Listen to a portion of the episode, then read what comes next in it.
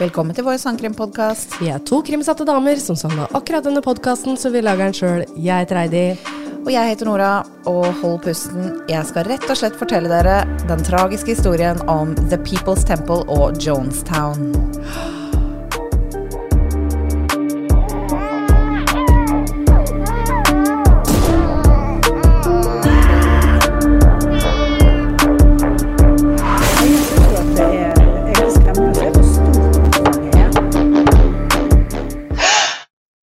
Du tok for deg sekt, altså? Jeg gjorde det. Ja. Jeg måtte jo det. Jeg, jeg, jeg la det jo ut på Facebook og Instagram. Så ja, det? Ja, På stories. Herregud, fikk mye respons. Jeg fikk mye respons. Ja. Det var veldig gøy. Ja. Jeg fikk masse greier. Det verste av alt òg, jeg ble litt misunnelig, så jeg begynte å google gjorde sektorer. Ja, så jeg begynte å skrive mye om det. Så gøy! Kanskje det blir en dobbeltepisode med sekter her. ja. Eh, Det endte ikke med det, da. Men jeg kom ganske langt, faktisk. Jeg skrev to sider, og så bare ah, fuck it! Det blei for innvikla. Det er så mye greier. Jeg kjente jo det at jeg angra litt. Og så liker jo jeg å ta de sakene som er litt ukjente. Ja. Uh, og så fikk jeg jo masse tips, og så var det noen av de jeg ikke hadde hørt om. Og så tenkte jeg liksom oh, skal jeg ta en klassisk Nora og ta den som er ukjent? Ja. Men så gjorde jeg ikke det. Jeg tok den som jeg fikk flest uh, svar på. Ah. Og det var fle Flesteparten ville jo da høre om Jonestown. ja. Ja. Ikke sant? Kjenner du historien? Eh, Det kan hende det kommer til meg når det begynner å skravle. Det, Ja, for vi må bare kjøre rett på Ja. her, for jeg har så sjukt mye. Ja. Uh, nei, så jeg spurte jo da på Instagram og Facebook Stories, så er det fint hvis folk eh, følger oss der, hvis dere har lyst til å komme med innspill. Um, så da fikk jeg jo masse svar. Ehm, og da var det Emma, Inge, Emilie, Jeanette og Cecilie som alle sa Jonestown eller People's Temple, eller en variasjon av det. Eh, som sagt så fikk jeg også andre tips. Det var faktisk flere som sa scientologi. ja, det er sant. Og det syns jeg er så sjukt spennende. Ja, ja. Det er jo en helt sjuk religion, og hvordan de legger press på avhopperne sine, det passer definitivt inn i en sangkrimpod. Mhm. Men hva kan du om Jonestown, Heidi? Ja, jeg, for nå står jeg litt blank. Jeg Ja, gjør det. ja, det er helt greit. Det er helt er det greit? Og så kan jeg heller komme med innspill etterpå. Ja, fordi du, du kan historien, det er jeg helt sikker på. eh, for den kan såkalt alle. Ja. Uh, jeg har aldri satt meg veldig inn i saken. Jeg har aldri kikka på noen dokumentarer eller noe sånt, nå, sjøl om jeg syns det er ganske spennende med sekter. Eh, men den, den er jo velkjent, og alle kan såkalt alle kan denne historien. Det var en sekt i USA, de flytta til Sør-Amerika et eller annet sted, og det endte med at alle tok sjølmord, ikke sant? Ah. Ja, ikke sant? Det var det jeg sa! Du, du kjenner den, du kjenner den, alle kjenner den. Men la oss bare gå litt mer inn på detaljene, og se om vi kan børste litt støv av mindre kjente sider av saken. Altså, hvordan, hvordan, kan det i det, hele- hvordan kan det i det hele tatt skje? Nei, Ikke sant? det er sjukt. Ja. Har du hørt begrepet 'drinking your own Kool-Aid', eller bare 'drinking the Kool-Aid'? Oh, ja. Du har hørt det? Ja, jeg har hørt det, ja. Det er jo når en person går med på en farlig idé, eller gir etter for gruppepress. Og det er et ganske etablert begrep, og det kommer fra det her. For det er sånn de tok eh, sjølmord, med forgifta eh, Kool-Aid. Eh, eller faktisk så var det ikke Kool-Aid, det var eh, Flavor Aid, som høres ut som eh, First Price-varianten av Kool-Aid. Så hele begrepet er feil, men det kommer faktisk herfra. Yeah. Og jeg var innom Candyland på Gunerius i Oslo for å finne Kool-Aid til oss. For jeg tenkte det hadde vært jævla vittig om jeg hadde servert deg litt forfriskninger. Oh, Men så ja. fant jeg ikke. Åh. Å, jeg var så irritert. Ja, det skjønner jeg. det var så gøy å kunne servere deg det. Ja, det skjønner jeg. Ja ja, eh, da skal vi se. Eh, Sorry, jeg hoster litt. Jeg er Ja. fortsatt litt sjuk. Heidi hoster litt. Jeg skal prøve å klippe bort eh, det meste, men Ja. eh, det får vi se om eh, vi får til alt. Ja. James Warren Jones. Han er født 13. mai 1931. Foreldrene er James Thurman Jones og Lynetta Putman. James blir kalt, han blir kalt Jimmy i oppveksten, og seinere bare Jim. Så når jeg sier James, så refererer jeg til faren hans. De heter jo det samme. Mm. James var veteran fra første verdenskrig, og han hadde fått alvorlige pusteproblemer etter et angrep med kjemiske våpen på en fabrikk. Og Det gjør at han ikke kan jobbe lenger, og Lynetta, altså mora, som var hjemmeværende, hun må trå til. Faren blir eh, alkoholiker. Eh, han har jo ikke noe annet å ta seg til. Føler seg sikkert mislykka. Begynner å drikke.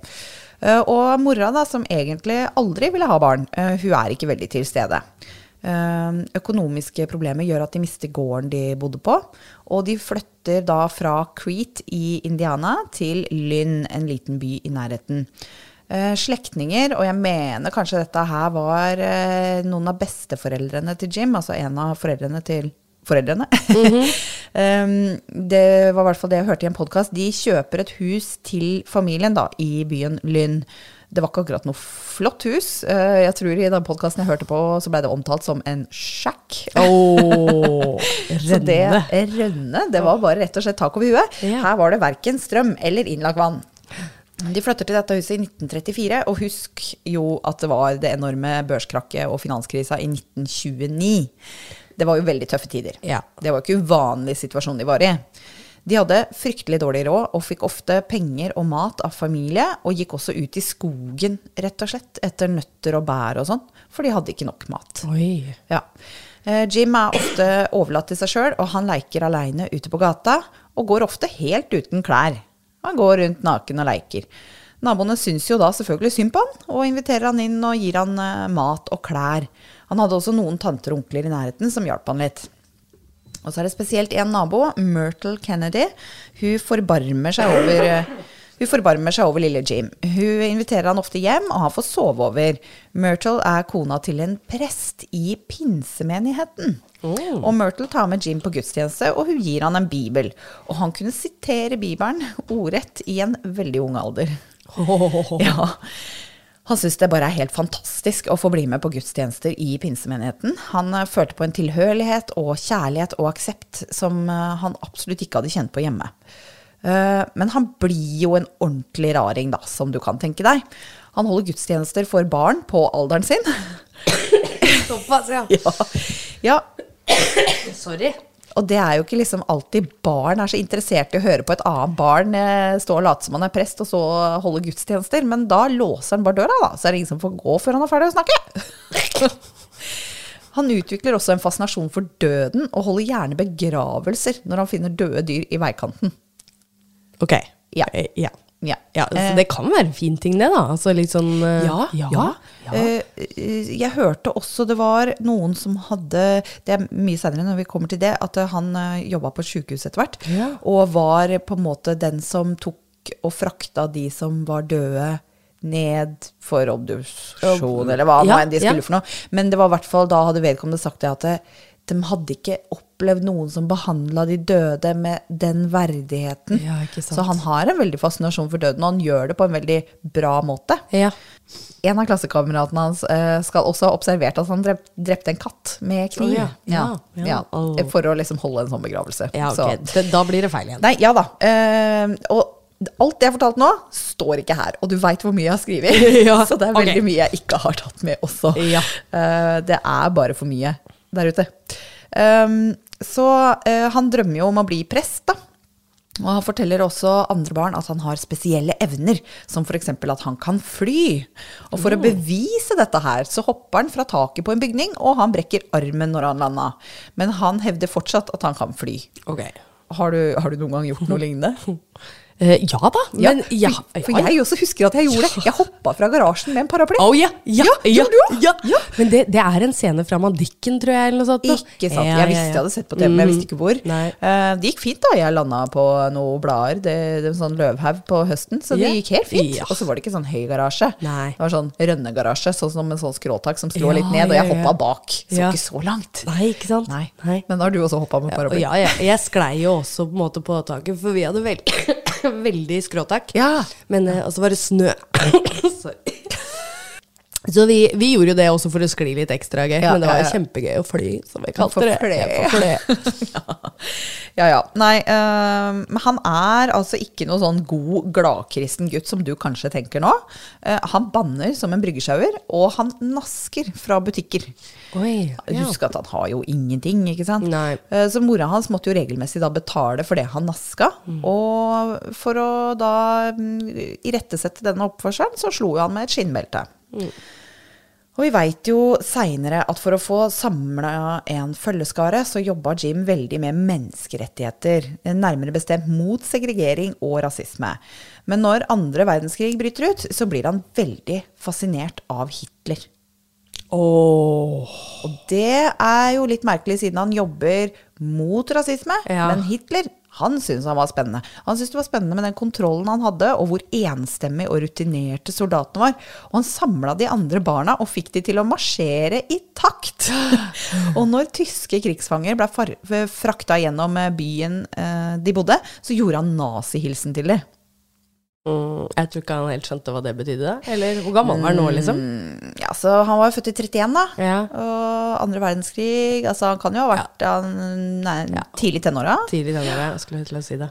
Eh, legg merke til at jeg aldri bruker ordet venner om de andre barna. For Jim hadde ikke noe særlig med venner. Men han hadde jo jevnaldrende og klassekamerater, som jeg da bare kaller de andre barna.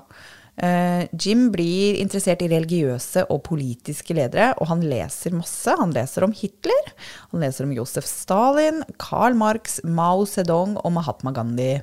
En fin blanding. Ja, det, jeg skal akkurat si det. Det her var veldig eh, mye smågodt, holdt jeg på å si, oppi en pose. Storgodt. Storgodt, ja. Eh, Jim har sjøl sagt følgende om sin barndom. Innen tredje klasse var jeg klar for å drepe.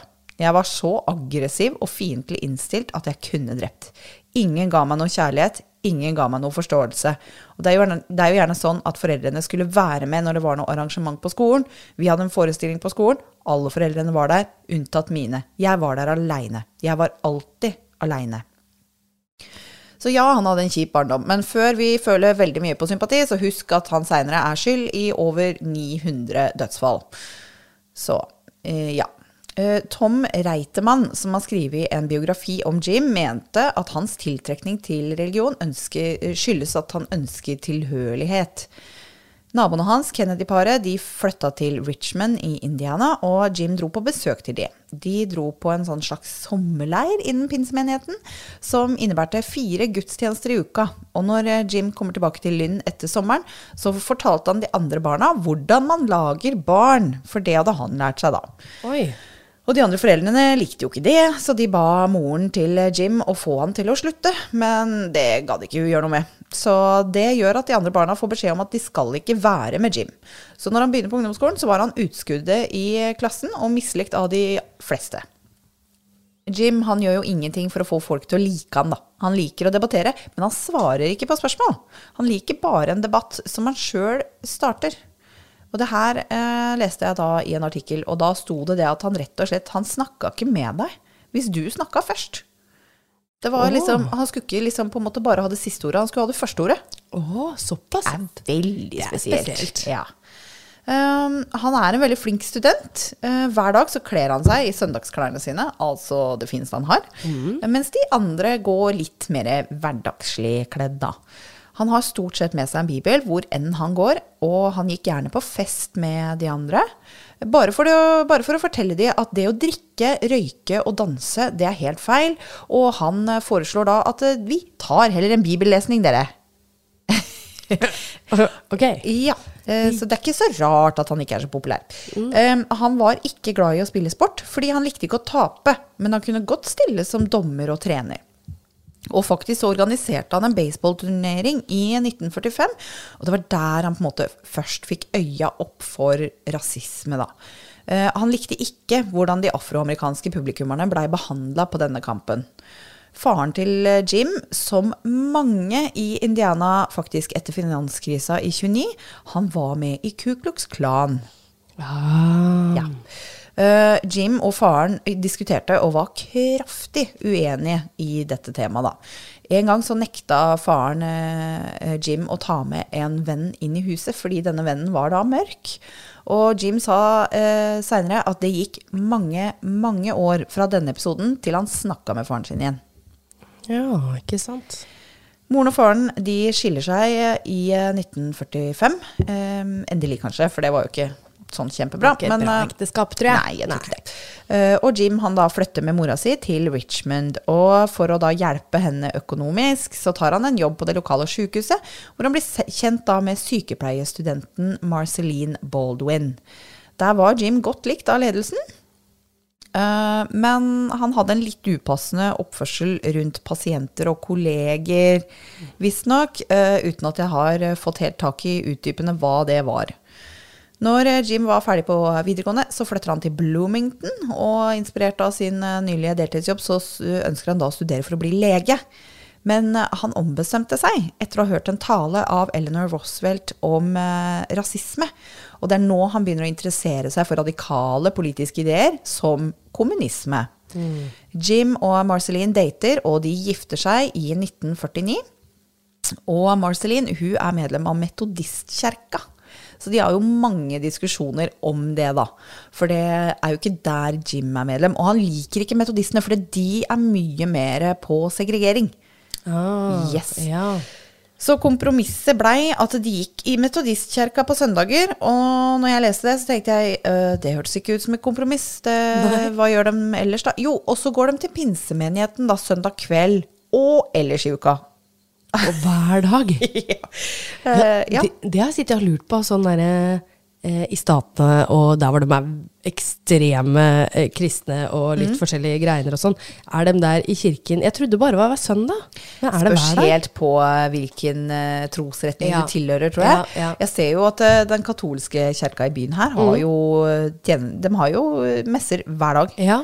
Eh, Men det betyr jo ikke at du må gå hver dag. Altså, det er jo I vårt eh, travle liv så kan du jo da Å, jeg kan ikke på søndag, jeg jobber. Da kan du jo heller gå på en tirsdag, da. Ja, ja, det er jo kjempepraktisk. Ja. Men jeg vet ikke om det er noen protestantkjerker som driver sånn. Nei. Nei, det har kanskje litt med der er- religion å gjøre. Ja, ja. Og så er kanskje ikke protestantene så innmari hissige på grauten. Nei. Det er mange som er, har et litt rolig forhold til det. Ja. Ja. Det, det vet jeg. Ja. Ja. Det har jo vært veldig mye snakk om rasisme Heidi, de siste åra, og mye fokus på Black Lives Matter osv. Mhm. Og det er mange som på en måte tar til motmæle da, og sier 'all lives matter' og alt mulig sånt, eh, som mener at dette ikke er et relevant problem lenger. Eh, Det er jo selvfølgelig stort sett eh, hvite mennesker som sier det, da. Eh, Men jeg syns gjennom å ha researcha til denne saken her, at det er veldig interessant hvor kort tid dette er siden. Mhm. Det her er jo så å si moderne tider. Vi er etter den andre verdenskrig, vi nærmer oss 50-tallet, og vi snakker om segregering i gudstjenester. Mm. Det er jo ikke lenge sia. Nei, det er ikke det. Ikke i det hele tatt. Det er kanskje min døvhet overfor på en måte rasisme i et historisk perspektiv som gjør at jeg blir overraska. Men jeg blir overraska. Mm. Ja, det skjønner jeg. Eh, Ekteskapet til Jim og Marceline bar preg av at Jim følte seg veldig usikker. Han har ikke akkurat veldig mye sjøltillit. Eh, sikkert for den kan henge sammen med at han ikke har liksom mottatt veldig mye kjærlighet og støtte i oppveksten. Eh, min teori der, altså. Eh, men han tester ofte lojaliteten hennes eh, på de verste måtene. Så han forteller henne f.eks. at en, av hennes, en i familien hennes var død. Og først etter at hun har grinet og vært fortvila, og han har trøsta henne, så sier han at han bare tulla. No! Og jo da. Og han gjorde det flere ganger. Fy faen. Så det var eh, da Ja da. Det er red flags, altså. da det er så rødt flagg, ass. Uh, ja. Um, paret adopterer uoffisielt eh, nevøen til Marceline, og de flytter til Indianapolis. Og her melder Jim seg inn i kommunistpartiet. Eh, Etter ti år eh, så blei han endelig ferdig med studiene, og han uteksaminerte med en grad innen utdanning. Jeg vet ikke om han blei lærer, eller om han bare på en måte hadde noe diplom og var noen slags assistent, men han hadde i hvert fall studert utdanning på deltid, da. Ja. Ehm, men nå eh, må vi komme inn til hans på en måte start som innen religion. Eh, Så i um, Hopper litt tilbake. I 1952, når Jim er 21 år, så får han det for seg at han skal bli prest. Og, Ja. og det er altså parallelt at han studerer til å bli lærer, for da var han ferdig i 61. ja, ikke sant. Um, men uh, så han Sjøl om han på en måte studerer da på sida, så får han faktisk mulighet til å jobbe som prest for barna i metodistkjerka. Som i seg sjøl egentlig er ganske merkelig, ettersom han egentlig likte best pinsemenigheten. Må man ha utdannelse for å bli prest? Altså, yes. Altså, der er jeg Det- så ja. ukjent. Ja. I Ja. Mm. Norge i dag så er det en bachelorgrad. Ja, det er det, ja. Ja. Uh, hva det var da, veit jeg ikke. Hva det er i USA, veit jeg ikke. Nei. Men um, ja. Eh, Jeg, jeg sier litt grann om det etterpå. Ja. Uh, Visstnok så har han sagt til kona si privat at han var ateist. Kan jeg spørre hva det er? Uh, Ikke-troende. Å! Ateist. Ja. ateist. Og er det det For jeg hører jo eh, På, på, på, på engelsk, hva, hva sier Atheist. du? da? Ja, takk. Det er, Ja. det er det ordet jeg kjenner, skjønner ja, du. ja, ja. Er du det? Eh, Nå ble jeg veldig personlig. Ja, jeg veit det. Eh, altså, jeg er jo døpt, og jeg har jo på en måte kristen tro veldig. Og min bestemor var kjempekristen. Jeg er min òg. Eh, Ja, eh, og jeg syns det var veldig koselig. Men jeg, eh, og jeg har jo venner som på en måte er veldig kristne, men det jeg elsker med dem, de prakler ikke på meg. Nei. Eh, ja, jeg, jeg skulle ønske å tro at det var Ja. noe mer For jeg veit det. Det er mer mellom himmel og jord enn hva vi er klar over. Mm. Den, den er liksom i boks med. Men hva det er For jeg er litt fakta òg, og Ja, ifølge ja. Bibelen så eksisterte ikke dinosaurusene, og det har vi bevis på at det har Ja. eksistert. Så der krasjer jeg. Skal jeg fortelle hva, hva jeg identifiserer meg med? Så kanskje du kjenner at noe Ah, klikker på plass. yes. Fordi at jeg definerer meg som agnostisk ateist. Og en agnostiker er en som eh, rett og slett ikke er sikker. Så eh, når du er da eh, ateist, Ja. så kan du jo være veldig bastant og veldig Ja. sånn Nei, Gud fins ikke, Ja. fordi vitenskap, bla, bla. Sånn, jævlig sånn i trynet ditt og aggressivt. Men en agnostiker sier Altså Hvis du er agnostisk ateist, så sier du 'jeg tror ikke det finnes noen gud', men jeg veit ikke. N- Ikke sant? Så der er jeg. Der, takk. Vi, vi er er der, vi. ja, der er vi. Yes. Ag agnostiker, var det det du sa? Agnostisk ateist, Agnostisk ateist. kaller jeg det. Okay. ja. okay. Nå får vi sikkert masse meldinger om at ah, det er feil bruk av ordet. Men jeg tror, jeg tror det er riktig. Ja, Det er sånn jeg definerer meg. ja. Men nei da, så han sier visstnok da til kona si på privaten at han er ateist. Og det er jo ganske sjukt. For Mm. Det dette er en gutt som har gått rundt og sitert Bibelen siden eh, han eh, omtrent var født. ja, også når du da liksom, i tillegg skal liksom lære opp barn Ja, ja, ja. Og du veit du vet jo hvor vi skal. Ja. Eh, Det her er jo en person som skal lede mange, mange mennesker. Ja. Og så sier han sjøl at han er ateist. Det Ja. er veldig rart. Men dette var liksom litt sånn på privaten, da. Um, så um, ja. Eh, I hvert fall. Så begynner han som ungdomsprest, eh, men som student. Og eh, Nei, her skriver jeg det, at det er jo i hvert fall sånn i Norge at det er en bachelorgrad. eh, Men, men det er ikke sikkert det var det i USA på 50-tallet. Kanskje det er litt mer sånn derre training at By the job, doing. liksom. Ja, Ja, ja. Det kan hende at det var eh, Hva skal man si, en slags sånn aspirantperiode. Ja, ja, Ja. ikke sant?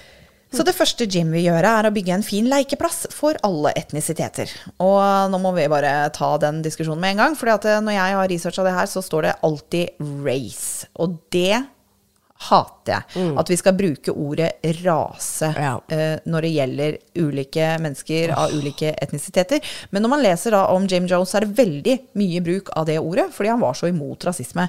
Og jeg foretrekker her å si etnisitet, fordi at eh, jeg mener neandertalerne var en rase, denisovanene var en rase, homo sapiens er en rase, og etnisitet er ikke, føler jeg. Nei.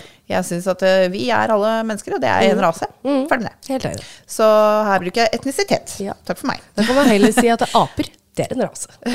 Ja, det, det er en art, men ja. Ja, whatever. Vi, vi stammer jo fra apene, sier de jo. Jo, jo. Ja, ja.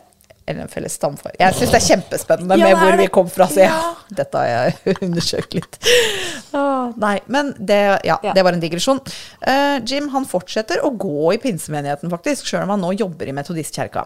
Eh, men han får eh, fyken i 1954, eh, og han sier det er for lov Nei, unnskyld. Og han sier det er fordi han ikke fikk lov å holde prekener for en blanda menighet av ulike etnisiteter, altså ikke-segregerte messer. Eh, metodistkirka sier det er fordi han stjal sa oh. Ja. ja. Når han parallelt vanker i pinsemenigheten, blir han også bedt om å tale for forsamlinga der.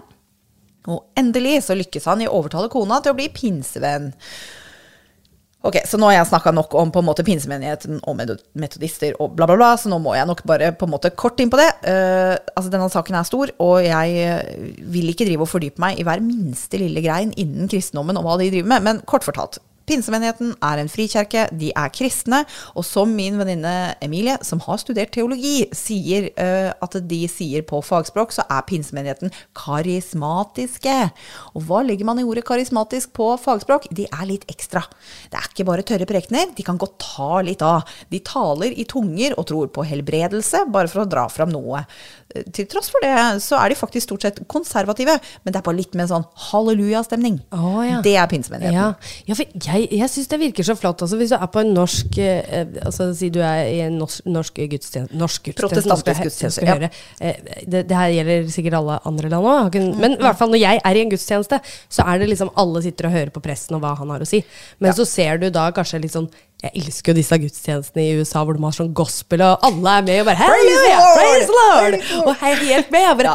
Da skjønner jeg faktisk at folk. Kan eh, Jeg bli veldig troende. Ja, digger det. digger det. Ja, det er så bra. Det har jeg savna her. Det var faktisk Harlem Gospel Choir var på en turné. uh, det, så jeg var og kikka på dem på Union Scene. Det er nå en del år siden, da. Mm. Men det er jo sånn skikkelig halleluja-stemning. Og de står der i sånne gospelfrakker, og herregud, det var gøy. Ja, ikke sant? Der sitter jeg ute, lille artisten og bare halleluja! ja. ja, så det er nok eh, litt mer underholdende å gå i pinsemenigheten. Men altså, de ruller rundt på gulvet og taler i tunger. Ja, det er Vet du hva det er? Uh, det er bare De bare snakker et ikke-språk. Det er eh, liksom et sånn slags ur... Ja, du, det hørtes, ut som parcel tongue. Men de snakker på en måte Hva er det de sier det er for noe? Om det er noe sånn guddommelig språk som ingen kan forstå, eller egentlig kan snakke. Det er noe på en måte Gud Mm. Ah, taler igjennom deg. Ah. Så de bare ruller rundt på gulvet og bare Ja, ikke sant?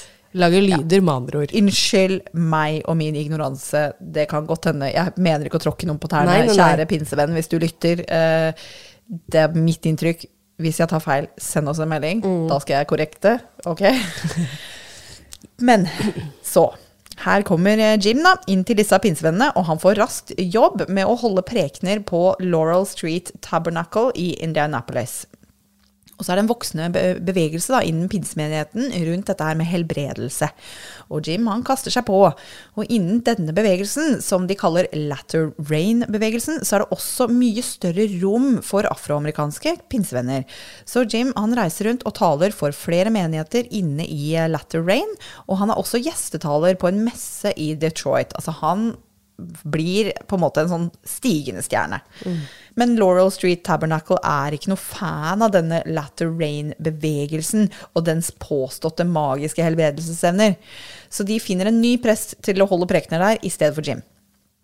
Og da vil Jim starte sin egen kjerke, så han etablerer Wings of Healing, som seinere fikk navnet People's Temple. Han fikk bare med seg 20 pinsevenner fra Laurel Street når han starta, så han skjønner fort at han må finne en måte eh, å få menigheten sin til å vokse. Sjøl om pinnsvennene i Laurel Street er medlem av en større organisasjon Altså, det er så mye detaljer. Å, Jesus. Så sjøl om pinnsvennene i Laurel Street er medlem av en større organisasjon som heter Assemblies of God, så er det også noe som heter Independent Assemblies of God, og de støtter Latter Rain-bevegelsen. Så Jim begynner å jobbe tett med de, og han blir da ordinert som prest i 1956. Ja, Ja. skjønner. 56, skal vi se, nå må jeg bare tenke, han er født i 21. Altså, han er liksom Nei, 31. Han 31, er jo, sa du. Han er jo liksom 24 år, da. Ja. Oi, det er ganske 25. 25. 25, ja. Ja. Eh, Det er jo veldig ungt. Ja, det er det. Eh, Samme år så arrangerer han en helbredelsesmesse, hvor han holder møter sammen med William Branham, en helbredende prest. Eh, Dette fungerer bra, og for å øke menigheten sin, så får han med seg William i gudstjenester. Og William har også uttalt at han mente at Jones var et sendebud fra Gud, og han hadde gått god for hans helbredende krefter. William pleide å kunne fortelle tilfeldige mennesker i salen deres fulle navn, adressen deres og hvorfor de hadde kommet dit, og avslutta med å annonsere at de var herved helbreda. Ja. Eh, Dette var jo 50-tallet, men jeg hørte om en annen prest som helbreda folk. Men det her var i moderne tid. Um, og da gjorde han det på denne måten, for han gjorde akkurat det samme. Han fortalte fullt navn, adresse, hva som feiler deg, og det kunne han si, liksom. Um, men da eh, var det sånn at alle som hadde kommet til gudstjenesten, hadde fylt ut et såkalt bønnekort, som de fylte ut ved inngangen. Og ikke Tenk at ikke de greide å koble det, men altså, der skriver de navn, adresse, hva som plaga dem, og hva de ønsket at presten skulle be for. Og så sto presten på prekestolen med en plugg i øret og fortalte de forbløffa tilskuerne eh, hva det fulle navnet var, og adressen, og hva som plaga dem, takket være kona hans som visste han i øret på den pluggen. Ja, ikke sant, fy Ja. Så det er jo ikke sikkert at det var sånt på 50-tallet, ikke vet jeg, men noen metoder for juks eh, fins det jo. Ja. Jeg er jo alltid skeptisk. Men den kjerka, da. Kjerka til Jim, det blir i hvert fall en hit. Og i begynnelsen så gjør de veldig mye bra. De har en rekke pleiehjem, og inntekten fra disse bruker de f.eks. til noe som heter The Free Restaurant, som er akkurat det det høres ut som. Det er et sted du kan gå og spise gratis. Wow. Og eh, selvfølgelig sitter folk av alle etnisiteter side om side i, under gudstjenestene. Et av de ytterst få kjerkene og stedene som ikke var segregerte i Indiana på denne tida. De hjelper fattige, de deler ut mat, klær, og de skaffer eh, advokathjelp om de trenger det, og bosted. Og de jobber hardt mot segregering i samfunnet for øvrig, og starter også en slags arbeidsformidlingstjeneste for å få spesielt afroamerikanere ut i jobb. Alt dette her er ting man kanskje forventer at en kjerke driver med, men det her var radikalt på 50-tallet. Eh, Dette her var jo også da under den kalde krigen, og alle er jo veldig på alerten for atombomber. Jeg tror at du og jeg som ikke levde da, vi kan ikke skjønne hvordan det er. Nei. Eh, Men de hadde jo liksom altså Det var jo helt sjukt. De hadde jo Myndighetene delte ut eh, skriv om hva man skal gjøre i tilfelle atomkrise, og du hadde jo sånne der atomkriseøvelser på skolen, og liksom gassmasker til alle, og ja. Det, det var veldig spesielt. Ja. Vi, vi hadde det, nærmeste vi på en måte kommer noe som kan det, det, altså det kan jo ikke sammenlignes, men det nærmeste man kommer, var vel at man hadde sånne brannøvelser på skolen. Ikke sant? Ja, Det blir ganske positivt forhold. Ja. Um, men um, i hvert fall så leser Jim en artikkel som lister opp de tryggeste stedene i tilfelle atomkrig. Og han leser da at Eureka i California skal være veldig trygt pga. beliggenhetene ved Sierra-fjellene og noe med vindretning i forhold til andre mål. Så da flytter han hele kjerka si fra Indiana og får med seg 80 kjerkegjengere på turen. Oi, det er ganske bra. Ja, han fikk jo ikke med seg så mange, ikke sant. Nei, nei. Men 80, det er egentlig ikke så mange. Men tenk at han fikk 80 mennesker Ja. til å flytte fra Indiana Ja. helt til California. Nå har ikke jeg sett på noe kart hvor langt det er, men eh, altså bare det å flytte fra en annen til en annen stat, det blir Ja. som å flytte til et annet land i Europa. Ja, hvis du har jobb og hus og alt mulig. Du må selge alt, og du må slutte jobben yep. din, finne deg en ny jobb. Altså, yep. Det er ikke bare bare det, altså. Nei, men det gjør det. Ja. Helt sinnssykt. Allerede. Ja. Og det blir verre. Ja, Oh. det blir mer sinnssykt. Um, så um, Eller potensielt et annet, en annen eh, teori om hvorfor han flytta kjerka si, så ville han ha mer publisitet og mer makt, og så sitt snitt til å få det hvis han flytta ut av rolige Indiana. Mm. Indiana hadde jo mye rasisme på denne tida, og California var kanskje mer liberalt. Mm, ja. Så han kan jo ha hatt en tanke om det også, for han vil stadig ha flere følgere. Uh, han forutser at det vil være et atomangrep i 1967, og han eh, flytter hele kjerka tidlig på 60-tallet. Han er paranoid og engstelig, og han leder folket sitt som Noah inn på arken for å sikre deres overlevelse. Og innen ti år så vil kjerka hans ha spredt seg til San Francisco og Los Angeles og flere andre byer i California. Kan, kan jeg spørre om noe? Nå Ja. høres jeg sikkert skikkelig dum ut. Det går fint. Eh, takk. Eh, for vi er 1967, og dette med atomkrig og sånt noe. Hvilket land var det de var redde for på den tida? Eh, Det var jo eh, Russland mot USA, og så hadde Russland Det var vel noe med at Russland hadde plassert noen missiler på Cuba. Ah, så okay. har du en sånn derre ingen Det var jo på en måte Ingen turte å fyre av, for de visste nei. konsekvensen av hvis de Ja. gjorde det. Så det var som liksom noen som sto sånn og sikta på hverandre Yes. i noen tiår. Skjønner. Ja.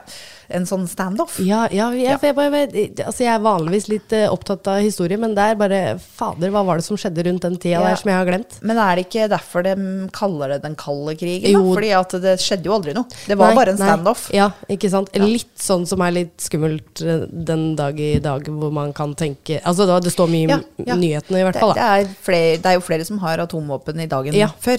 Ja, Ja, men hvis man bruker det, så fucker du jo hele planeten. ja. Ja.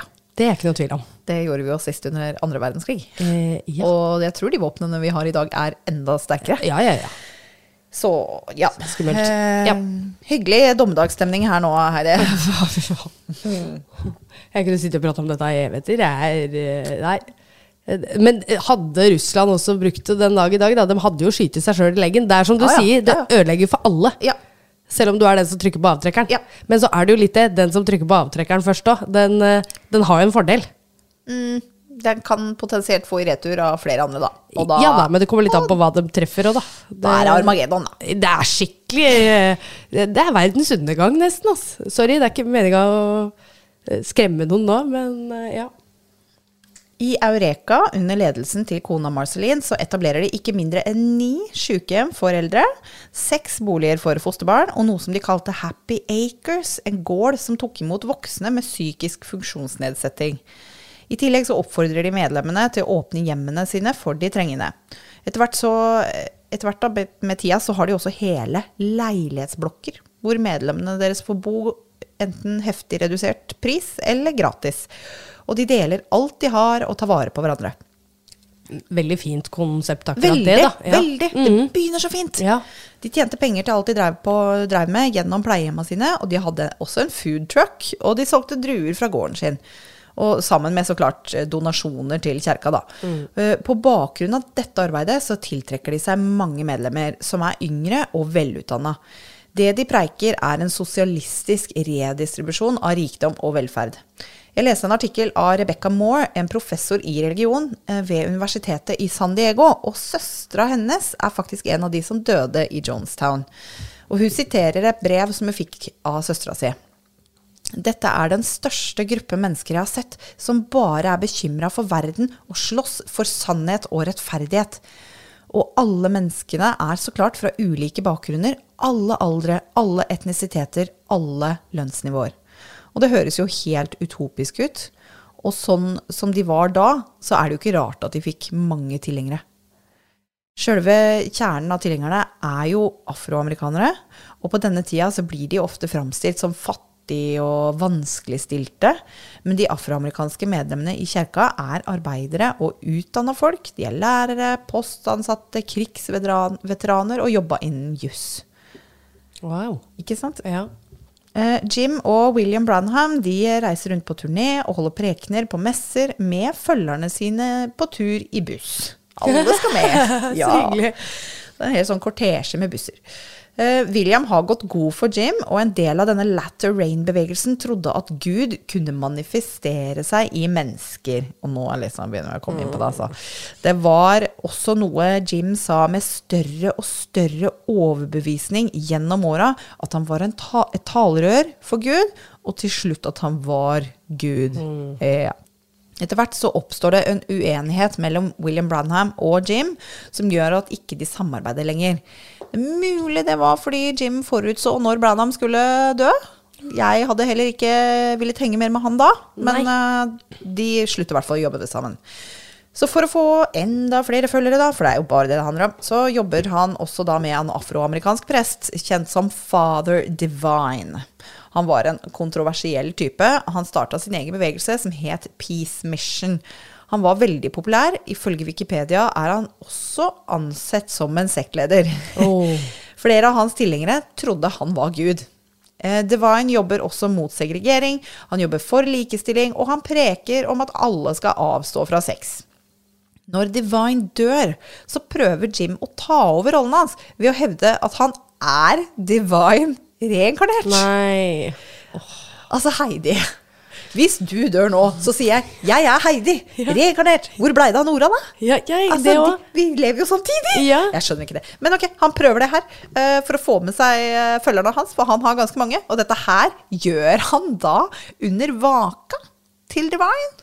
Okay. Og enkefru en, eh, Enkefru! enke, Og enkefrua, da, kjent som Mother Divine, hun svarer selvfølgelig med å sparke ut Jim og alle følgerne hans og kaller han 'djevelen i forkledning'. Eh, men eh, han får faktisk med seg tolv av Divines sine følgere. Ja. Eh, Jim han hevder at han er den eneste heteroseksuelle mannen. Alle andre er lesber og homser, og når de har heterosex, så er dette bare i fornektelse. Ja. Okay. Eh, han lå med alle sine kvinnelige medlemmer, Ja, men også sine mannlige. Å ja. Ja, Ja. I, uh, Det var en podkast jeg hørte på som hevdet at han faktisk lå med absolutt alle. Naturligvis ikke fordi han ville det, men det var et offer han gjorde for at du skulle få kjenne på den guddommelige kraften. Det er, Ja. det er bare en dårlig unnskyldning for misbruk, ass. Ja. Så, men eh, samtidig da, så går ekteskapet mellom Jim og Marceline sin gang, og de starter det de kaller en regnbuefamilie. De adopterer en jente fleste som er eh, native eller amerikansk urinnvåner, eller hva jeg kan si som er PK uten å si indianer. Eh, de adopterer henne i 1954, og da adopterer de også tre barn av koreansk opprinnelse i 59. Dessverre så dør faktisk hun henne, Stephanie, seinere det året i en bilulykke, bare fem år gammel. Men i 1959 så får også paret sin eneste biologiske sønn, som de kaller Stefan Gandhi. Ja. I 1961 så blir de det første paret i Indiana, for da er de fortsatt i Indiana, til å adoptere en afroamerikaner. Og han får navnet Jim Jones. Eller egentlig James Jones jr. Etter hvert så adopterer de også en hvit gutt av et annet medlem i kjerka. Og Jim han blir også pappa på si med Carolyn Laton, eh, som får det diskré navnet Jim John. Ja. Nei, nei, nei, nei det, er ikke, det er ikke til Jim. Ikke tenk på det, Marceline. Det går fint. Ja. Så eh, det er mye bakgrunnshistorie, og det maler et bilde av hvorfor ting gikk som det gikk. Men nå har det gått 43 minutter. Jeg er halvveis. og la meg bare oppsummere. Herregud, dette her blir bare Ja. Det er mye greier, altså. Oppsummering. Jim elsker sosialisme, egentlig også kommunisme. Han er inspirert av lederskapet til Stalin og Hitler. Han ble tidlig forelska i men- pinsemenigheten og hvordan prestene talte for, for forsamlingen, og den makten de hadde over følgerne sine. Men han skal visstnok også ha uttrykt privat at han egentlig er ateist. Han er også veldig tydelig imot segregering og ønsker at alle skal ha tilgang til de samme rettighetene, og det viser han også tydelig med sin såkalte regnbuefamilie. Det er et eh, politisk klima med rasisme og segregering som et brennhett tema. Et som eh, gir han mange afroamerikanske følgere, og mange hvite følgere med litt sånn frelsersyndrom. Tidlig på 70-tallet så viker han lenger unna kristendommen ved å referere til den kristne guden som en himmelgud, en gud som ikke er gud i det hele tatt. Og han hevder sjøl at han er gud, han er en sosialistisk gud, men det sier han ikke høyt utafor tempelet sitt. Tidligere medlem Hugh Fortson siterer han. Du må tro mm. Det du må tro på, er det du ser. Ser du meg som din venn, så er jeg din venn. Ser du meg som en far, så kan jeg være din far for dere som ikke har det. Hvis du ser meg som din frelser, så kan jeg være din frelser. Hvis du ser meg som Gud, så kan jeg være din Gud. Altså, han er jo så raus. Han vrir om på religion, og han døper barn i sosialismens navn. Og han sier at alle som er født i kapitalistiske USA, er født i synd. Og han advarer følgerne sine om en nærstående atomkrise, en krig over etnisitet, eh, en såkalt rasekrig. Jeg bare liker ikke å bruke det ordet. Eh, og eneste måten å slippe unna var å høre på det han sa. For, eh, og etter verden var gått under, så ville alle rømme til et perfekt kommunistisk land. Ja, så. Eh, han var jo paranoid fra før av. Og når du slenger med leppa i den skala han gjør, så blir man jo redd for angrep fra alle kanter. Han jobber døgnet rundt, for, og for å greie det, så bruker han dop. Ja. Selvfølgelig. Han bruker noe for å holde seg aktiv og våken, og han må bruke noe annet for å roe seg ned. Han sover ikke mange timer i døgnet, og han blir ikke mindre paranoid. Ikke sant? Det har jo noen effekter. eh, Ja, man blir jo vrangforestillinger. Ja. Ja. Du har jo sikkert sett bilde av han, herre, hvor han har på seg solbriller. Litt morsomt I hvert fall de seinere åra. Du sitter og kikker, du. Her sitter Jeg måtte google den. Yep, yep, jeg, måtte få meg Jeg bare Fader, hvem er det her? Jeg måtte få en bjelle til å ringe. Veit du hvorfor det kom opp så mange bilder av Leonardo DiCaprio når du søkte om Nei, Jim det Jones? satt jeg lurte på. Det kommer en film! Det kommer en film! Ah, kult! Det kommer en film. Og han Eh, skal jeg lurer på om det kommer neste år. Eh, ja, Leonardo DiCaprio skal spille Jim Jones. Å, gøy. Gøy. Det, Gøy. Den nyheten kom bare for noen liksom, Jeg vet ikke om det var en uke siden engang. Og når du googler Jim Jones, Ja. så er det bare fullt av Leonardo Ja, DiCaprio. jeg bare Hva faen gjør han her, liksom? Det er det han gjør, det. Ja. I hvert fall, da. Som du ser da, Heidi, på bildene, og som dere kan se på Instagram og Facebook, så har han stort sett på seg solbriller, han James Jones, i hvert fall de seinere åra. Mm. for- Og det var jo for at ikke du skal bli overveldet av hans guddommelige energi når du ser han i øya. Eller det var så du ikke skulle se at han var fjern som et fly stort sett hele tida. Vi går for nummer to. Ja. Ja. På begynnelsen av 70-tallet utvida tempelet seg til flere andre byer, som jeg så vidt nevnte tidligere. Og hovedkvarteret flytter til San Francisco. San Francisco er jo en eh, veldig liberal by, og her var det mye politisk engasjement og protester. Og Jim tiltrekker seg mange nye medlemmer med helbredelsesmesser. Han helbreder folk for kreft, og helbreder ei som hadde brekt et bein. Det fører jo til stor entusiasme. Det fører også til at folk seinere dør av kreft, og hun som hadde brekt et bein, hun hadde de bare dopa ned og fortalt henne at hun hadde falt og brekt beinet når hun våkna med gips. Og hvilket mirakel når hun noen dager seinere blei helbreda, og de klipte av henne gipsen! Og hun kunne gå! Halleluja! Ja. Han, Jim da, han gnikker også albuer med politikere, og han er faktisk viktig for at borgermesteren i San Francisco blir gjenvalgt i 1975. Og det holdes også en æresmiddag for Jim med en politiker som toastmaster, og blant gjestene så finner vi både guvernøren og viseguvernøren i California. Toastmasteren sa at Jim, han er det du vil se hver dag når du ser deg sjøl i speilet. Han beskrev han som en blanding av Martin Luther King, Albert Einstein og Mao. Ja. Eh, et tidligere medlem slo seg sammen med en gruppe som undersøkte Jim litt nærmere i 1973.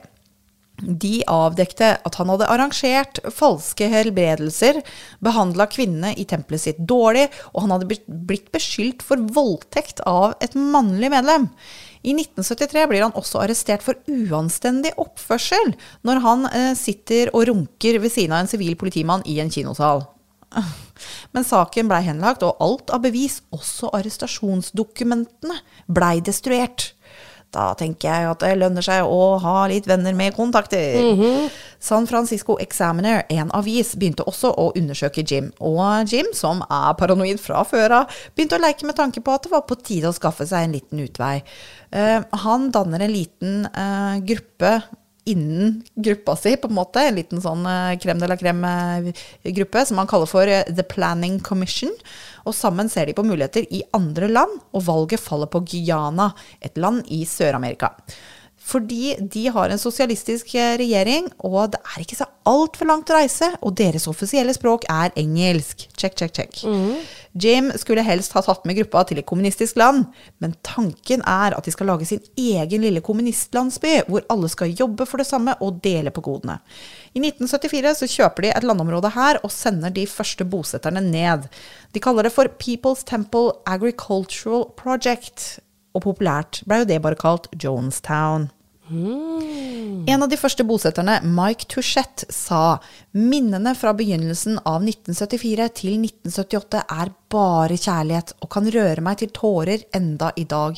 Ikke bare byggingen av byen vår, men vennskapene og kameratskapet vi kjente på. Mike jobba for øvrig i, eh, på en båt i Karibien under det eh, masseselvmordet, eller oh, ja, massakren, okay. kan man si. Ja. Uh, I begynnelsen så var de bare fåtall der. Det var et lite område langt unna sivilisasjon. Det var langt inn i jungelen, mot grensa til Venezuela. Og når bosetterne lander i Georgetown, som er hovedstaden, så går ferden videre med båt opp en elv i 19 timer. Eller? Nei! Ja. 19 timer? Det er dritlangt unna Shit. alt. De måtte kutte seg fram i jungelen. Altså, det er ikke som om han har kjøpt et landområde som er flatt. Så de må liksom kutte seg fram i jungelen for å gjøre plass til hus og veier og jorder. Eh, de sendte ned litt om litt flere personer og satte opp masse hytter hvor de bodde. Hyttene var gjerne utstyrt med to køyesenger, og tanken var at hver familie skulle ha sin egen hytte. Overlevende beskriver det som en veldig håpefull og optimistisk tid. De bygger sitt utopia, et samfunn hvor de kan slippe diskriminering og segregering og bare leve sammen i harmoni. De spiser god mat, og de jobber med å etablere sin egen matproduksjon og sette opp hus. Og de filmer alt sammen, og filmen blir jo mm, redigert og vist uh, i tempelet i USA. Mm. I 1973 uh, året før de drar nedover, faktisk, så er det åtte college-studenter som forlater kjerka. Det var barna til opprinnelige medlemmer i Indiana, faktisk, som har reist eh, helt fra Indiana med barna sine. Det var en gjeng som Jim sjøl verdsatte høyt. Ehm, de skrev et brev med sin avskjed, og de formulerte det møysommelig for å ikke fornærme Jim. De skyldte på kjerkas ledelse, og de uttrykte sin misnøye av hvordan ting blei gjort der. De hadde observert at hvite, rike medlemmer fikk høye posisjoner med en gang de ble med. Og det var ingen afroamerikanske i ledelsesposisjoner. Og de skrev de siste seks åra så har ledelsen bare kastrert sine medlemmer, kalt alle for homofile og snakka bare om sex, sex, sex. Hva med sosialisme? Og Jim tok dette veldig hardt. Jeg tror vi kan si ganske sikkert at han har abandonment issues, altså en veldig frykt for å bli forlatt. Og han da skal ha sagt at eh, jeg prøvde med kjærlighet, men det fungerer ikke. Så nå får jeg prøve noe annet. Så da blir det sånn at de medlemmene som ikke gjør det de skal, som uh, synder på et eller annet vis, de blir tatt opp i kjerka, fram liksom foran alle sammen. Ja. Ja, og de blir verbalt skjelt ut av hele tempelet. De må stå der og høre på mange hundre mennesker, kanskje så mange som 700 andre medlemmer, stå og snakke ski... Ja, de var kjempestore. Shit. Jeg tror jeg leste et sted de var litt over 2000 medlemmer, når de var i USA på sin storhetstid. Eh, så da må de stå der oppe og høre på at eh, mange, mange, mange hundre mennesker står og skjeller de ut. Eh, men det mister sin effekt etter hvert, da. For det blir jo så hverdagslig. Så da går de over til fysiske avstraffelser, vet du. Så fram kommer beltet. Og når det mista sin effekt, så brukte de en planke. Ei jente f.eks. på 16 år fikk 75 slag med en planke for å ha hilst på sin venninne med en klem og et kyss. Nei.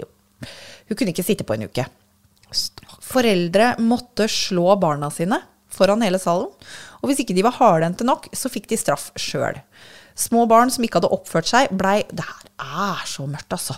Små barn som ikke hadde oppført seg, blei plassert i et mørkt rom og fikk beskjed om at det blå monsteret skulle ta de. Det er jo psykisk terror. Samtidig som de da får elektrosjokk. Nei. Jo. Små barn.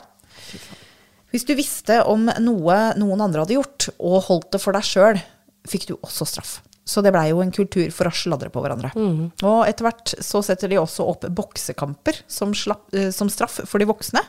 Og den som skal straffes, må da selvfølgelig bokse mot en som er langt overlegen fysisk. Eh, Etter en avstraffelse så skulle den som blei straffa, husk at vi er fortsatt oppe på scenen i kjerka, skulle takke Jim. Og han sa han likte ikke å gjøre det, at far elsker deg. Og de skulle svare takk, far.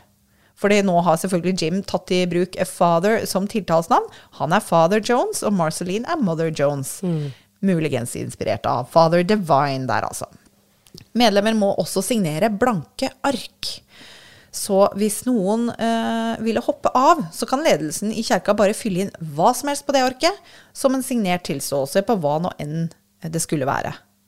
Så det var enda en måte å tvinge folk til å bli på. Og hvis du da var skeptisk til å signere det arket Mm. Du har jo ikke noen grunn til å være det. Du er jo her for å bli. Ja. Hva er det du snakker om?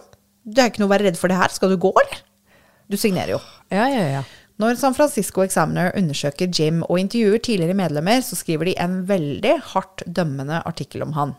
Og han fikk mulighet til å komme med kommentarer før den blei publisert, så han veit at den kommer. Tidligere medlemmer har da snakka om den totale kontrollen Jim har, av straffelsene som blir brukt i kjerka, og det at Jim preiker blasfemisk og kaller seg sjøl Gud. Og dette gjør jo at Jim blir svett, og han tar med seg en stor gruppe til Guyana for å slippe noe rettsforfølgelse. I Guyana så bor det allerede 400 medlemmer i Jonestown, og Jim ankommer med 500 til. Den lille landsbyen de har bygd, er overhodet ikke beregna for dette. De som har bodd der, er jo heller ikke bønder og nevenyttige folk. De er jo akademikere. Ja, ikke sant? Ja. eh, Til tross for all propagandaen som om alt de får til å vokse og gro der, så har de ennå ikke kunnet høste noe særlig med sin egen matproduksjon. Og nå, nå er kapasiteten helt sprengt, og det er rett og slett ikke nok mat. Og det er jo lang vei til butikken, Heidi. ja. Så de må rasjonere maten, og de får stadig mindre og mindre mat. De får ris til frokost. De får noe som eh, het risvannsuppe oh, til ja. lunsj. Det høres ut som bare det kjipeste i hele verden. Ja, ja. Og så får de ris og bønner til middag. Innimellom kanskje de også får grønnsaker. ja. Ja, På søndager så får de også ett egg og en kjeks. Gratulerer. Noen eldre og uføre får et egg daglig. Altså Jim spiser jo selvfølgelig helt andre ting. Ja, han spiser jo kjøtt ja, hver dag. Ja. Og han tar mer og mer dop. Og noen har beskrevet landsbyen som en fengselsleir, og andre har beskrevet den som himmelen på jord. Mest sannsynlig så var det begge deler. Det spørs bare hvem du spør, og når du spør. Ja, hvilken arrangering du har, eller hvilken, uh, hvor mye penger du har, kanskje. Ja, kanskje det òg. Men det, er liksom, det var jo veldig hyggelig. Det var Ja. jo en utopi. De var der full av håp og optimisme for Ja. framtida, og de skulle bygge noe fantastisk. Ja. Jeg, jeg tror det er det at de er såpass hjernevaska at uh, uansett hvilken situasjon de hadde vært i, så bare Nei, men dette er flott, for tanken og ideen er jo så fin her nede. Ja, ja, ja. men det, ideen er jo god. ja, ja, ja. De har hengt seg opp i det sikkert. Den, Ja da. ja. Velkomstkomiteen de fratok alle medlemmene passa sine ved ankomst. Ja. Eller det vil si, de skulle lagre de for dem på et trygt sted. Og medlemmene blei også fratatt medisiner, uansett hvor livsnødvendige de var. Eh, Og de blei seinere funnet med dopet til Jim. Han tok jo sikkert det han fant av piller. Ja. Første gang Jim snakker med planleggingsgruppa si om revolusjonerende selvmord, er i USA. Han lurer på hvor mange er villige til å dø for saken, og han lufter ideen om å ta med alle medlemmene til Golden Gate-brua for å se om noen var villig til å hoppe. Uh, som han gjorde med Marceline gjennom ekteskapet, så ville han teste folks lojalitet. En i den innerste sirkelen tok til motmæle og sa av det at hvis du har lyst til å ta reperen, så får du gjerne gjøre det, men la nå oss andre få være. Eh, hvorpå Jim sa at eh, jeg skal ikke ta selvmord, jeg skal jo være den som overlever. Eh, ja. Termen revolusjonerende selvmord det ble brukt første gang av Black Panthers, faktisk. En menneskerettighetsgruppe som dere sikkert har hørt om. I eh, Guyana fortsetter han å teste lojaliteten til folk. Og han snakker om revolusjonerende sjølmord. Og han eh, tar det også opp eh, under prekener og får folk til å liksom Hvor mange er villige til å dø for saken? Og så rekker folk opp handa, ikke sant? I begynnelsen kanskje bare én, etter hvert flere. Det er bare det, det er det gruppepress gjør med deg. Alle Ja, rekker opp handa. Å, jeg følte ikke helt med, jeg rekker opp handa, jeg. Ja, ja. Han begynner å vekke folk midt på natta og kaller de til messesalen, hvor medlemmene får servert Cool-Aid, eller faktisk Flavor Aid. Uh, jeg tror det er litt sånn som Pepsi og Cola, eller kanskje den ene er litt sånn First Price-variant, men det er så å si det samme. Det er, um, Veit du hva det er? Nei, egentlig ikke. Nei, det er, det er bare pulver som du blander ut, øh, og så blir det en drikk, liksom. Litt som en ja. saft, eller som iste, den Lipton, Ja, ja, ja, pulvergreia der. Bare at det er på en måte andre smaker, det er ikke Ah, iste, da. nei. Men det er liksom pulver som blandes i vann. Aha. Ja. Um, så etter medlemmene har fått servert noe å drikke, så får de høre at nå er dere forgifta, og dere skal alle dø innen en time. Og folk skriker ut i panikk. De blir stressa, de gråter, de er fortvila. Men klokka tikker, og ingen dør. Og Jim sier at eh, tulla. det var jo bare for å teste lojaliteten deres. Men i stedet for å da bli forbanna, så blir medlemmene letta. De har kjent på sin egen dødelighet, men de er ikke døde. Hvilken gave! Og dette blir en regelmessighet. Eh, Jim annonserer det han kaller hvit natt, white night, over høyttaleren. På natta, altså. Han vekker folk. Det er høyttalere rundt omkring i hele campen. Så medlemmene kommer til messesalen, og de får servert eh, forfriskninger, ingen dør, og de går hjem igjen. Han messer gjennom denne høyttaleren i leiren dag ut og dag inn hele fordømte dagen. Og han er så rusa at han snøvler tidvis helt uforståelig. Jeg har hørt noen opptak, og det er liksom altså, Noe av det er begripelig, og annet er bare sånn Og det bare wow. Um, men etter disse prekenene, da, som jo pågår omtrent 24-7, fordi han sover jo ikke, Nei. da kunne medlemmene få quiz om det han hadde sagt, da. Oi. Og da ble du straffa hvis ikke du kunne svaret. De hadde, nok, de hadde ikke nok hytter til alle, og de klemte da inn så mange køyesenger som de fikk plass til på disse hyttene, i tillegg til madrasser på gulvet. Og Jim preika også på høyttalere om nyheter fra USA som han sjøl har fabrikkert. Ja, de har jo ikke tilgang på nyheter fra omverdenen. De har jo ikke TV-aviser, altså glem det. Eh, de, så han snakker på høyttaleren om nyheter hjemmefra, om at afroamerikanere var tvunget inn i slaveri igjen, og at både den, den amerikanske og den gai- guyaniske Gaianske? Jeg vet ikke. Og den guianesiske ja. Yeah. Og at eh, landets regjering var ute etter å ta gruppa. Han går så langt at han faktisk han sender sønnen sin ut i jungelen og ber han skyte mot huset sitt, mot Jim. Og da forteller han medlemmer at de er under angrep fra regjeringa. Og medlemmene de står som en mur mot jungelen med våpen hele natta i seks dager og venter på et angrep som aldri kommer. Altså han sår paranoi, paranoiaen sin blant medlemmene.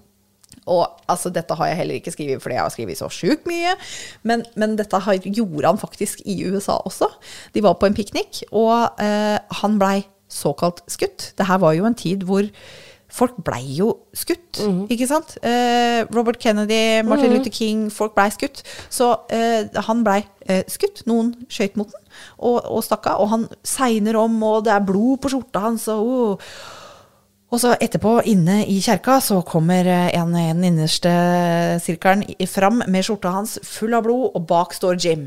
Han har helbreda seg sjøl! Herregud. Ikke sant? Så det er ikke rart eh, folk tenker at fader, det er jo han. Åh, vi så jo han ble skutt. Ja, ikke sant? Ja. Ja. Nei, så han arrangerer noe lignende da i Jonestown. Eh, medlemmene får i begynnelsen brev fra venner og familie, men de får færre og færre brev. Eller, de får jo brev, men Jim holder igjen posten deres. Selvfølgelig. Ja, De får også lov å sende brev, men det blir gjennomlest før de sendes. Så det er veldig begrensa med det de kan skrive der. Hjemme i USA har avhopperne og bekymra slektninger av medlemmene i eh, Guyana de har danna en gruppe som heter eh, rett og slett Concerned Relatives. De skriver brev til Kongressen og driver med lobbyvirksomhet for å få myndighetene til å ta tak i det her. De får oppmerksomheten til kongressmann Leo Ryan, og han er en fyr som ikke er redd for å ta en kamp. Han er kjent for det, faktisk. Blant annet så hadde han hørt eh, hvor kjipe vilkår det var i fengselet. Så han lot seg bli fengsla en uke, bare Oi. for å liksom se åssen det var. Bare for å ta fram noe. Så han er en sånn type som gjør ting. Ja. Um, andre har også ønska å undersøke gruppa, og det er noen som har dratt ned før han. Og da blir medlemmene selvfølgelig oppfordra til å oppføre seg så godt de kunne, og fremstille alt i et godt lys. I forkant av besøkene så gir de ekstra mat til de tynneste medlemmene, og flytter køyesenger ut av de trangeste husene. Alle er bare en glad hippiegjeng. Når eh, Leo Ryan kommer ned, så kommer han sammen med presseteam, og da er det også noen få slektninger av de som bor der, som eh, får være med, da. Det er ikke alle som får lov å komme inn i leiren, men, uh, så det er for, noen som på en måte bare kommer til Georgetown og ikke videre. Men uh, da, når han kommer med teamet, så er det dette som møter han. ikke sant? Lykkelig hippier, lykkelig av gatan. Og han uh, snakker med folk én og én for å liksom virkelig grave i om de egentlig er fornøyde. Og alle insisterer på at ja, ja, ja. Han bare Vil du egentlig hjem? Nei, nei, nei. nei. Å, det er så fint her. Eh, Men så får han en lapp i lomma av Vernon Gosney, hvor han sier 'ta meg med hjem'. Eh, og han bringer dette her til Jims oppmerksomhet, som hele tida har sagt at alle er der av fri vilje. Og det her fører til et eh, lite oppgjør, for det viser seg da at det er flere som ønsker å dra hjem til USA. Ryan og folka hans, når de setter kurs for eh, hjemveien, til tross for at medlemmer prøvde å stoppe dem, så tar de også med seg da 15 avhoppere. Når de kommer på flyplassen, så kommer også en bil med vakter fra Jonestown, og en av avhopperne, Larry Laton, drar fram et våpen. Og Larry begynner å skyte inni flyet, og vaktene ute kommer og skyter de òg. En kameramann filmer angrepet før han sjøl blir skutt. Totalt fem personer blir drept, deriblant en avhopper og Leo Ryan, kongressmannen, Oi. og pressefolk. De andre løper eh, i dekning inne i jungelen. Jim Jones han skjønner vel nå at han ikke har noen utvei. Han er også i disputt med et tidligere medlem om en omsorgssak om eh, sønnen deres. Og han blir pesa av amerikanske myndigheter om å overlevere denne gutten da, som han har nede hos seg, mens mora har uh, hoppa av, og hun er i USA. Uh, og nå i tillegg så har de drept en kongressmann. Han, det, altså det strammer seg, ikke sant. Så han kaller inn til White Night, men denne gangen er det alvor. Han forteller rett ut at alle forfriskningene er forgifta med cyanid. Og at nå skal alle begå revolusjonerende selvmord for sosialismen. Han har jo jevnlig hatt avstemninger blant medlemmene for å lodde stemninga for selvmord, og stort sett så stemmer jo folk for, i hvert fall flertallet. Noen medlemmer argumenterer nå mot han og mot hele opplegget, men han insisterer. Og det her, Heidi, det er så jævlig. Jeg eh, hørte Jeg har hørt flere podkaster, og jeg har sett noen dokumentarer. Og denne ene jeg hørte på, Casefile, eh, anbefales for øvrig hvis du er sykt interessert. Han har tre times lange episoder om eh, Jonestown. Og jeg hørte på dette her eh, på vei til jobb. Det var veldig gøy å gå tårevåt gjennom Oslo S på morgenen Stå. og høre på det her. Altså det her, Jeg trodde ikke jeg skulle bli så påvirka, men det her er faktisk så jævlig. Er, jeg tenkte liksom, det er så lenge sia, og det er så sinnssykt at folk kan tro på noe sånt nå, men jeg hadde vel egentlig ikke tenkt på de individuelle skjebnene her. Nei. Men det her er helt jævlig. Og jeg satt og forbanna hele fordømte saken. Og at jeg fikk det for meg at jeg skulle ta denne her. Jeg er egentlig ganske sint. Det er en eh, det er en dame som er først ut. Hun går rolig opp på podiet med ettåringen i armene sine. Og hun sprøyter giften til barnet først. Tar et glass sjøl og går rolig ut og setter seg på plenen. Og de gjør det én og én? Hun var først, da. Ja. Hun bare ja, ja, selvfølgelig. Som man gjør om bord i et fly, så skal du hjelpe de svake før du tar sjøl. Barna skal først. Kona Marceline protesterte mot det her, og hun måtte fysisk holdes igjen. Cyanid hindrer cellene i kroppen din å ta opp oksygen, og til slutt så dør du av hjerteinfarkt, frådende om munnen. Når B... Når, hmm, når babyene hadde fått gifta, så ville ikke barna ta det. De prøvde å berolige barna med at babyene skriker bare fordi at det smaker bittert. Det er helt smertefritt. Babyene og de første mødrene fråder om munnen, skriker og får kramper. De de har gjort dette lenge nå, ikke sant? Dette her med White Night og det her. eh, Og det har jo aldri vært alvor. Kanskje folk er litt sånn ja ja, da bare tar vi et glass og så ser vi åssen det går. Eh, De som ikke vil gjøre det frivillig, de blir trua med kniv og pistol, og hvis ikke det fungerer, så blir de skutt. Ledelsen i tempelet rydder unna kroppene. De drar dem ut på gresset og legger dem med fjeset ned. Sikkert eh, for at de som ikke har forsynt seg ennå, skal bli skremt av at det skummer rundt munnen deres. De legger voksne oppå barn for at ikke det skal være så skummelt, for at de ikke skal se alle de døde barna. Ledelsen tar også giften, og Jim Jones dør han òg, men ikke med gift. Eh, Kanskje etter å ha sett de andre gå gjennom det, kanskje han ikke vil det. Han døde av et skudd til huet. Det er ingen som veit om han gjorde det sjøl, eller om han fikk noen andre til å gjøre det før de drakk gifta sjøl. Men han er død. Og hele denne seansen er spilt inn. FBI fant et 45 minutters langt lydopptak som de kaller The Death Tape. 909 mennesker døde i Jonestown. 276 av de var barn. Det er det største tapet av amerikanske menneskeliv som, skyldes, som ikke skyldes naturkatastrofe, helt fram til 11. september 2001. Ja, ikke sant. På kontoret til tempelet i Georgetown i hovedstaden i Guyana så kommer også ordren om sjølmord. Og en mor tar da med seg sine tre barn inn på badet, kutter strupen deres med kniv og skyter seg sjøl. Så overbevist var folk. Hun hadde ikke engang gruppepress. Hun bare Ja, her kom den. Ok. For var hun medlem, da? Ja, ja, ja. Hun jobba på kontoret deres i Georgetown. Ah, ja, ikke sant. Men det var noen overlevende. Det Ja. var faktisk 84 mennesker som overlevde. Noen greide å smyge seg forbi vakter og rømme inn i jungelen. En la seg i en grøft og spilte død. En eldre dame som hørte dårlig, hun sov gjennom hele greia. Hun våkna opp neste dag og fant at alle var døde. Wow. De hadde også et basketballag som var i Georgetown på turnering. Han, eh, Jim hadde faktisk to sønner på dette laget. Og andre var kanskje bortreist i forbindelse med jobb. Marceline, fire av parets barn og deres partnere og fem barnebarn døde denne dagen.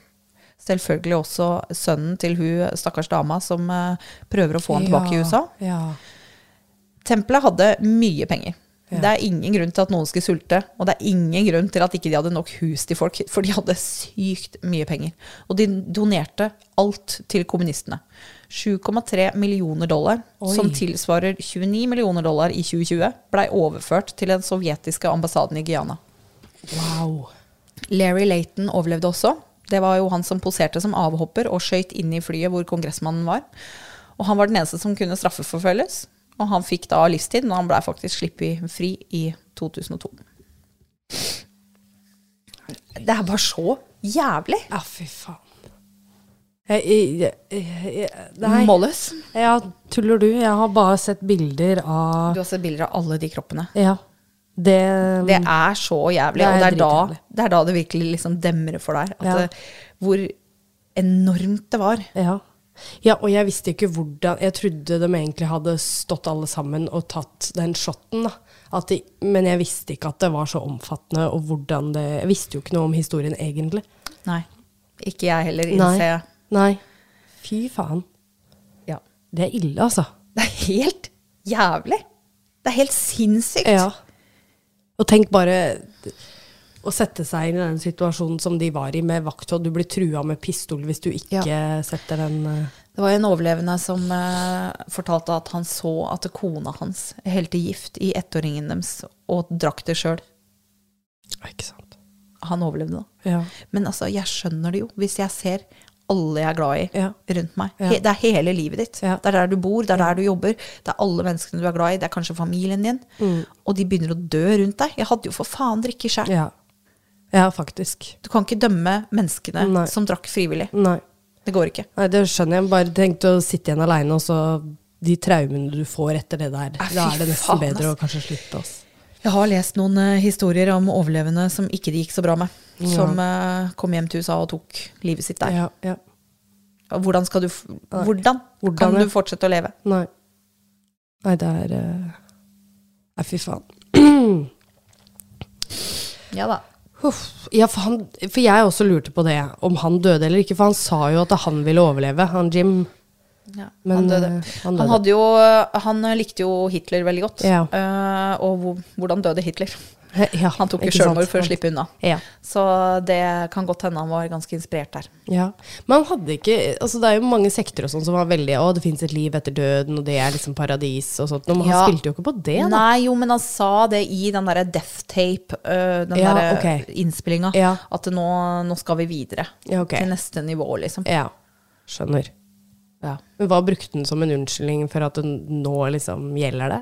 Det, var Det er fordi at de blei så dårlig behandla av regjeringa Ja, okay, i USA, og at de måtte gjøre dette for saken sin, Mm. for sosialismen, for kommunismen, for at de skulle vise at måten de ble behandla på, er ikke greit.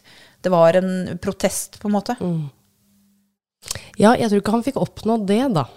Nei. Det Kanskje heller bare at man Jeg- skal se litt nærmere på sekter. Ja, jeg bare ser ikke poenget. Nei. Det er så meningsløst.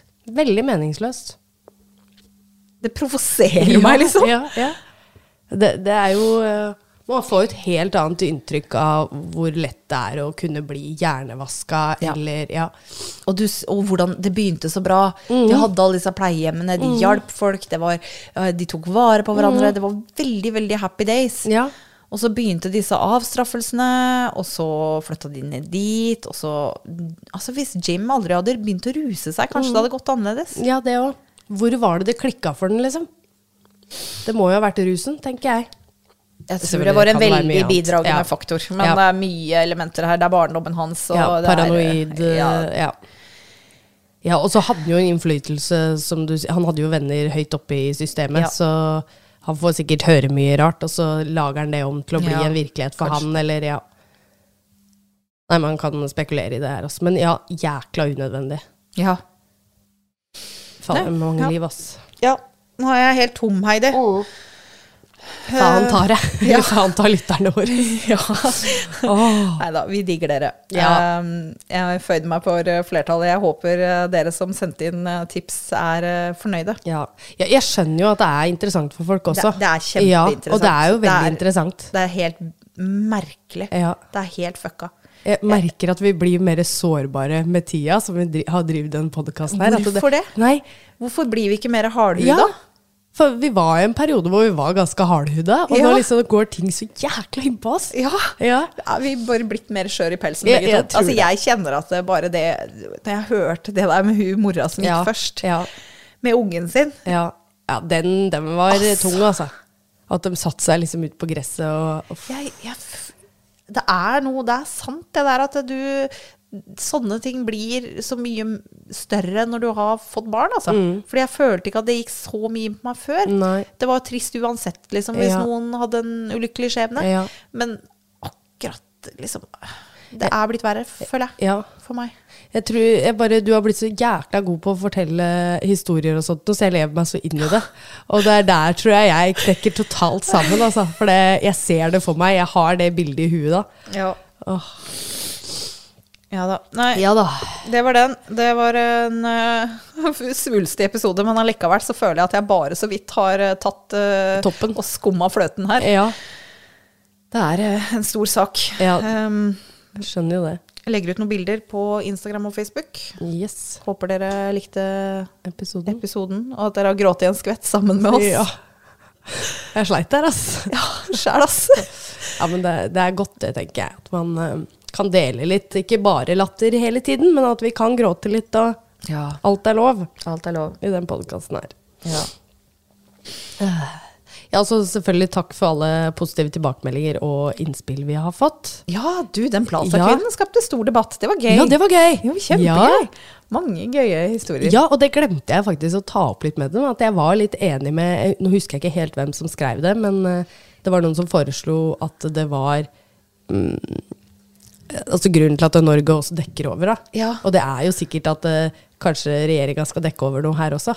Jeg vet ikke om jeg Var det ei som sendte oss melding eh, på Nei, eller om det var ja, ja, kanskje det var det. For det var, vi har fått noen meldinger, og så var det noen som kommenterte under om det var på Facebook, på bildene.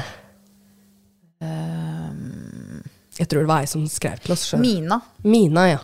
Har en liten teori på Plaza-kvinnen. Ja. Hva hvis denne kvinnen er en spion skråstrek leiemorder som kom til Norge av en eller annen grunn? Mm. At noen på hotellet visste godt hvem denne personen var, og at vakta som hørte i Ja. gåseøyne skuddet, akkurat når han skulle sjekke etter henne, har drept kvinnen. Altså at det er en hemmelig del av Norge, en gruppe, en del av staten, noen høyt oppe som var ute etter denne kvinnen. Og da er grunnen til at mye er uvisst og ikke etterforsket, sånn som videoovervåkning osv., at noen sitter høyere oppe i systemet og veit Yes. svaret. Ja. Ja. Jeg, Der er jeg veldig innafor. Altså. ja. Og det sier jo hvorfor bevisene er destruert òg, ikke sant? Ja. Ja. Veldig god teori, Jeg elska den teorien. Ja, gøy. Gratulerer hvis du har giddet å høre på så lenge. Skal vi avslutte? Ja, stakkars. Ha en, eh, ha en fin lørdag, Ha en fin folkens. Så snakkes vi. Neste uke. Ha, Ha det.